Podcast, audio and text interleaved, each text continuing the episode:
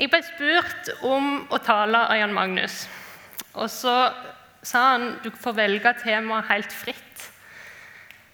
Og da må jeg innrømme at jeg vurderte å ta en sånn singeltale. Fordi de jeg kjenner som har hatt sånn singeltale her i Misjonssalen, alle de er gift. Eh, men jeg droppa det. Eh, så vi tar heller eh, temaet 'avslørt'. Eh, og så prøver vi på det. Eh, da kan vi få fram første bilde på skjermen. Her ser dere et bilde av Søstrene Jyland. Nærmere bestemt julekortet 1997. Jeg er den minste med størst bollekinn og pannelugg. Eh, Johanne, eldstemann, sitter i midten, og Julie, den mellomste, sitter til høyre. Johanne og Julie de har nisseluen godt dratt ned i pannen. Jeg skal forklare hvorfor. For i forkant av at dette bildet ble tatt, så var mamma og pappa bortreist. Sånn ca. et par uker i forveien. Så vi var hjemme, og vi hadde barnevakt. Og når man hadde barnevakt, jeg vet ikke om du husker det, men det var ofte en gyllen mulighet til å gjøre noen ting som man visste at man ikke hadde lov til av mamma og pappa. Eller det vil si, jeg var fremdeles så liten her at jeg hadde ikke skjønt det, så denne historien blir på en måte å henge ut søstrene mine mer enn meg, men det får nesten gå bra. Uansett. Vi er hjemme, vi har barnevakt. Barnevakten blir uoppmerksom, og storesøster Johanne bestemmer seg for å realisere den veldig akutte drømmen om å bli frisør. Hun finner frem saksa, drar med seg mellomstesøster Julie inn i stua. Og I stua der hadde vi et sånn salongbord med en sånn duk som gikk helt ned til gulvet. Så hvis man satt inni der, så var man nesten usynlig for verden. Det var altså det perfekte stedet å gjemme seg hvis man hadde gjort eller hvis man skulle til å gjøre noe ulovlig. Frisørtimen begynner, og Johanne sin pannelugg den ryker først. Og etterpå så ryker Julie sin. Men Johanne hun er sju år, og nå begynner alvoret å synke inn. Panneluggene er borte, det er masse hår på gulvet. Og ja, mamma og pappa er borte nå, men de kommer snart hjem igjen. Dette blir vanskelig å skjule. Men det er ikke umulig. Mellomstesøster Julie har nemlig på seg snekkerbuksa. En sånn med seler over skuldrene og ei stor lomme på brystet, med glidelås. Altså den perfekte løsninga for å skjule alle spor. Så de tar opp håret fra gulvet, de stapper det i lomma, og så lukker de igjen. Før de går ut av gjemmestedet og tilbake i verden. Godt fornøyd. Sporene fjerna, alt er under kontroll. Eller nei. Når de møter barnevakten, så blir det fort tydelig at ikke alle spor er borte. For mot barnevakten så lyser det to nakne panner med betydelig større fravær av pannelugg enn i stad. De er avslørt. De prøvde å skjule sporene, men de ble likevel avslørt. De tapte. Men nok om bortklipte pannelugger. For når det kommer til andre ting i livet enn det, så er det ikke alltid like lett å se det. Det er ikke alltid like synlig på mennesker om de opplever seier eller tap i livet. Om de har det bra, eller om de prøver å skjule at de har det vanskelig. De fleste de gjemmer seg bak fasader eller sånne masker. ikke sant? For det er ofte sånn at når man går gjennom perioder i livet som er tøft, og som er vanskelig, og som preger en, når man har opplevd, eller man er i ferd med å oppleve noe vanskelig, så er det ikke alltid like lett å vise det til andre. Og så er man redd for å bli avslørt på samme måte som Johanne og Julie med panneluggene. Og Historien som vi skal høre om fra Bibelen i dag, den handler om ei kvinne som ble avslørt. Og Når vi leser denne historien nå etterpå, så vil jeg at du skal være med og tenke etter om du tror denne kvinna opplevde seier eller tap i livet sitt. Det er en litt lang tekst, men prøv å følge med på skjermen mens vi leser.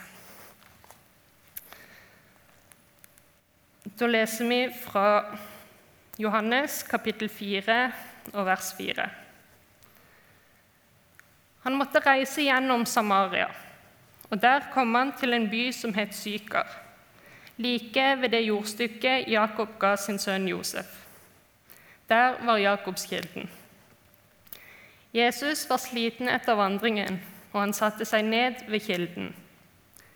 Det var omkring den sjette time. Da kommer en samaritansk kvinne for å hente vann. Jesus sier til henne, 'La meg få drikke.' Disiplene hans var nå gått inn i byen for å kjøpe mat. Hun sier, 'Hvordan kan du som er jøde, be meg, en samaritansk kvinne, om å få drikke?' For jødene omgås ikke samaritanerne. Jesus svarte, 'Om du hadde kjent Guds gave og visst hvem det er som ber deg om drikke,' Da hadde du bedt ham, og han hadde gitt deg levende vann. Herre, sa kvinnen, du har ikke noe å dra opp vann med, og brønnen er dyp. Hvor får du det levende vannet fra? Du er vel ikke større enn vår stamfar Jakob? Han ga oss brønnen, og både han selv, sønnene hans og buskapen vår drakk av den. Jesus svarte, Den som drikker av dette vannet, blir tørst igjen. Men den som drikker av det vannet jeg vil gi, skal aldri mer tørste. For det vannet jeg vil gi, blir i ham en kilde med vann, som veller fram og gir evig liv. Kvinnen sier til ham, Herre, gi meg dette vannet, så jeg ikke blir tørst igjen og slipper å gå opp hit og hente vann. Da sa Jesus til henne, Gå og hent mannen din, og kom så hit. Jeg har ingen mann, svarte kvinnen. Du har rett når du sier at du ikke har noen mann, sa Jesus. For du har hatt fem menn, og han du nå har, er ikke din mann. Det du sier, er sant. Herre, jeg ser at du er en profet, sa kvinnen. Og så hopper vi til vers 27. I det samme kom disiplene hans, og de undret seg over at han snakket med en kvinne. Men ingen av dem spurte hva han ville, eller hvorfor han snakket med henne. Kvinnen lot nå vannkrukken sin stå og gikk inn i byen og sa til folk.: Kom og se, en mann som har fortalt meg alt jeg har gjort. Han skulle vel ikke være Messias? Da dro de ut av byen og kom til ham.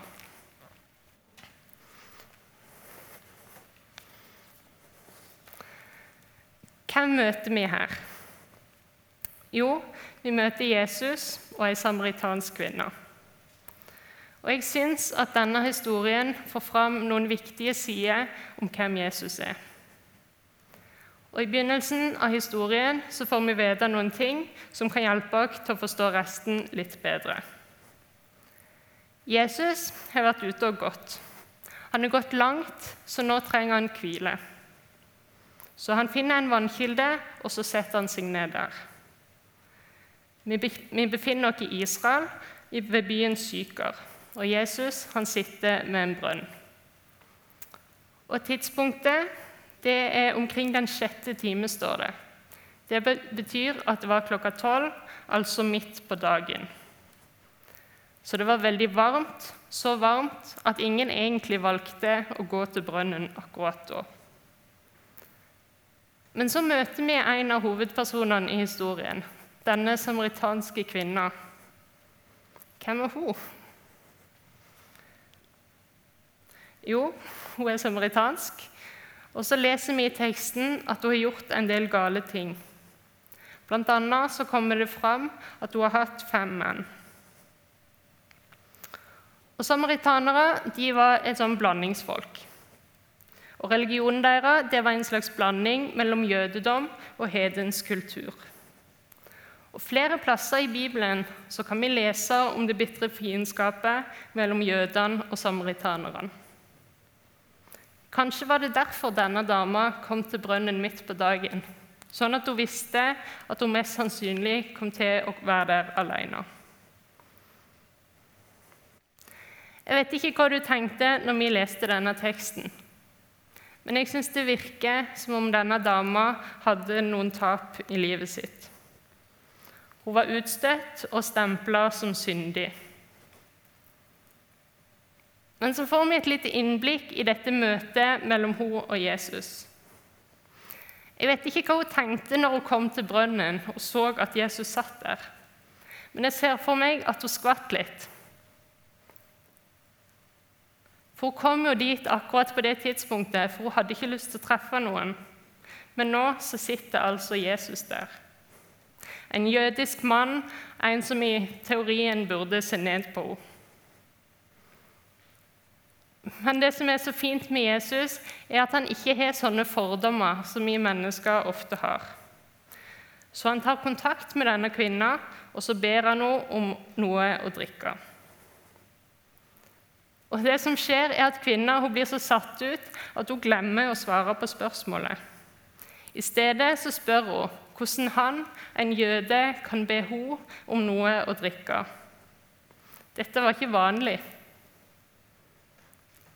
Og Dessuten så kommer det jo fram i teksten at Jesus sin egentlige hensikt det var ikke å få vann fra denne dama. For hvis vi leser i vers 10, så sier Jesus om du hadde kjent Guds gave og visst hvem det er som ber deg om drikke, da hadde du bedt ham, og han hadde gitt deg levende vann. Og i vers 13 og 14.: Den som drikker av dette vannet, blir tørst igjen. Men den som drikker av det vannet jeg vil gi, skal aldri mer tørste. For det vannet jeg vil gi, blir i ham en kilde med vann som veller fram og gir evig liv. Her er det mange ord som jeg syns kan være litt vanskelig å forstå, så jeg skal prøve å gjøre det litt enklere. Vi kan alle være enig i det første Jesus sier, om at hvis man drikker dette vannet, så blir man tørst igjen. Det er på en måte greit. Men så kommer det masse greier om et vann som slukker tørsten for alltid, og som skal velle fram, og som skal gi evig liv, og som kanskje er litt vanskeligere å forstå. Og det virker ikke som om denne dama heller helt forstår hva det er Jesus snakker om. For hun sier at hun gjerne vil ha dette vannet, sånn at hun aldri trenger å bli tørst igjen, som fysisk. Og dette er ikke egentlig en rar respons. Likevel så var det ikke dette Jesus mente. For tørsten Jesus snakker om, det er ikke den fysiske tørsten. Tørsten han snakker om, det er en åndelig tørst. En indre lengsel etter noe mer etter noe som alle materielle goder i denne verden ikke kan slukke. En tørst som bare Jesus kan gi, for han vil gi henne sin tilgivelse. Han vil gi henne håp, og han vil gi henne et nytt liv, satt fri fra det hun gikk og bar på. Og Det jeg vil at vi skal lære av dette, det er at dette det gjelder for oss òg. Vi kan òg komme til Jesus med det vi bærer på. For vet du hva? Jeg tror at Jesus at han lengter etter å bli bedre kjent med sine disipler. Om du kaller deg det, om du kaller deg en kristen. Jeg tror at han lengter etter at vi skal bli bedre kjent med han. Ikke bare som en historisk fyr, ikke bare som et menneske, men som din frelser. Faktisk som en fyr som lever i dag. Og Det er ganske sprøtt å tenke på, men det er sant. For Jesus han kom først og fremst for å frelse verden. Og han tok faktisk alle mennesker sin skyld på det korset. Han døde på korset, men han sto opp igjen, og han seira over døden for oss. Han er faktisk seira, og han har noe for deg og for meg i vårt liv. Det er ikke sånn at når du er tatt imot Jesus, så er det check på lista, og så er Gud ferdig med deg. Nei, han har så mye mer for vårt liv. Han bryr seg om hverdagen vår, han bryr seg om livet vårt, hvordan vi prioriterer, og hvordan vi bruker livet vårt. Jesus kan slukke den åndelige tørsten. Og Jeg tror det var derfor Jesus tok kontakt med denne dama. Fordi han bryr seg om enkeltmennesker. Han bryr seg om meg, og han bryr seg om deg. Så når Jesus sa at hun skulle gå og hente mannen sin, så visste Jesus på forhånd at hun ikke hadde noen mann. Han visste at hun hadde hatt fem forskjellige. Men allikevel så tror jeg ikke Jesus tok dette opp med henne for å være slem eller for å ydmyke henne. Nei, jeg tror Jesus sa det fordi han så at hun hadde et behov for å bli sett. Hun hadde det vanskelig, og det forsto Jesus. Det var derfor han tok det opp. Han så at hun hadde et behov for å bli sett med hele seg, ikke bare den fasaden, men på innsida av den. Og kanskje trenger du òg det. Kanskje trenger du òg å komme til Jesus med hele deg. Ikke bare med de tingene som går bra, eller de tingene som du er mest stolt over. For jeg tror at Jesus vil bli kjent med hele deg.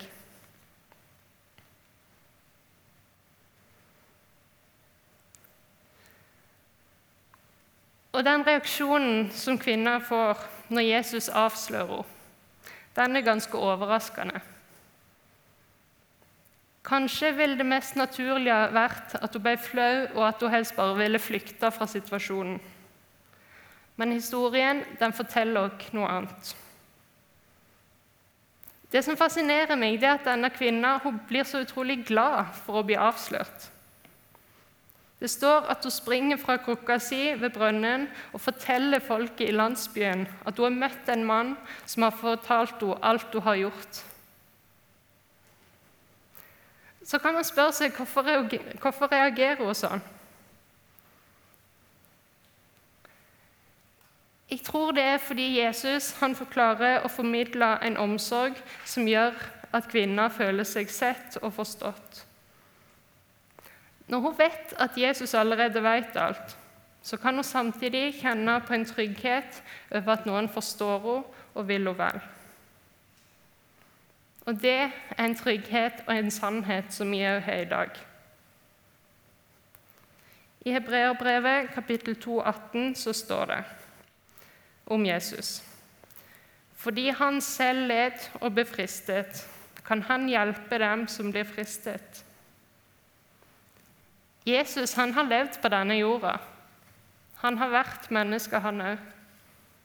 Og han forstår. Men nå skal vi flytte oss fra denne kvinnen med brønnen og over til deg, akkurat der du sitter. Akkurat der du lever livet ditt. Og jeg vet ikke hva du tenker om dette som har med Jesus å gjøre om du kaller deg en kristen, eller om du er litt usikker. Men jeg vil at du skal prøve å tenke etter og prøve å sette deg inn i situasjonen. Hvis det var du som møtte Jesus med brønnen, hvordan hadde Jesus avslørt deg?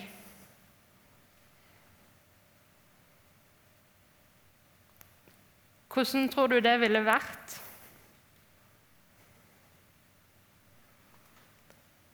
Og hvordan tror du Jesus ville møtt deg?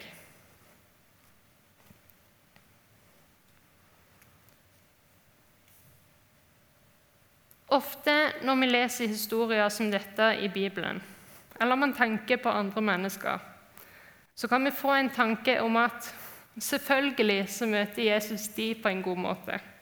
Eller selvfølgelig bryr han seg. Men meg meg er det ikke sikkert han ville møtt på samme måte. For jeg har gjort det, og så har jeg tenkt det. Og så baksnakker jeg den, og så løy jeg om det. Og så kan vi fortsette sånn helt til vi ikke har flere fingre å telle på.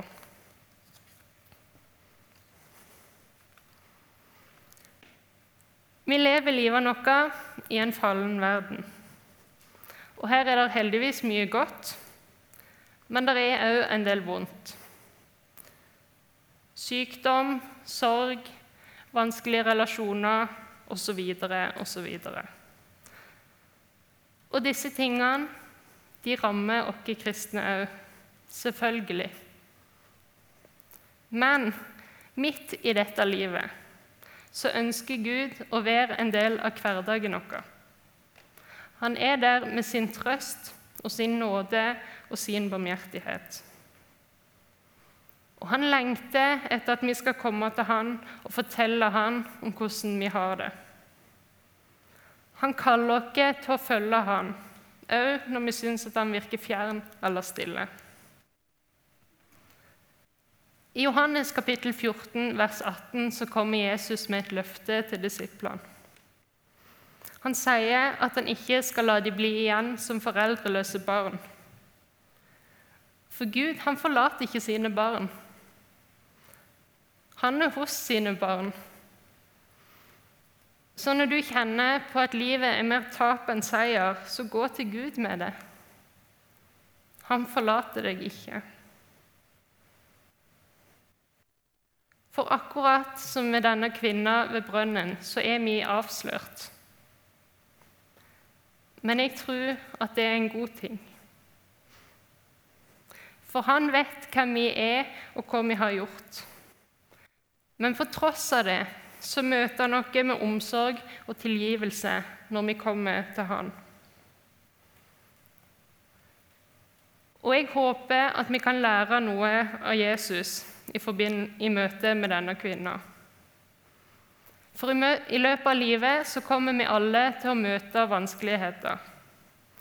Gudsbildet kan knuses fordi det ikke lenger passer med virkeligheten. Følelsen av at Gud ikke stilte opp når du trengte han som mest, kan gjøre at vanskelighetene kan bli en vei bort fra fellesskapet og bort fra Gud.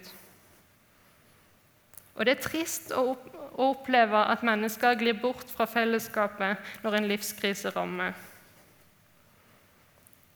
Derfor er det viktig at vi er der for hverandre, og at vi tillater andre å være der for oss i mørket.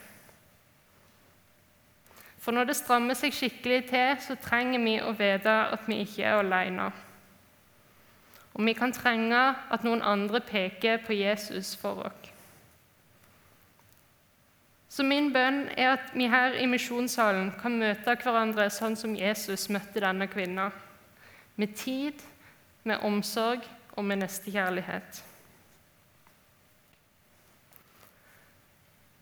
Og Jeg vet ikke hva du husker fra denne talen. Kanskje er du bare lei og klar for at den skal bli ferdig. Men uansett så ønsker jeg at du skal ta med deg tre ting. Det første er at Jesus ser. Jesus vet hvem du er, og hva du har gjort. Han er den barnevakten i eksempelet mitt som ser gjennom forsøkene våre på å skjule ting.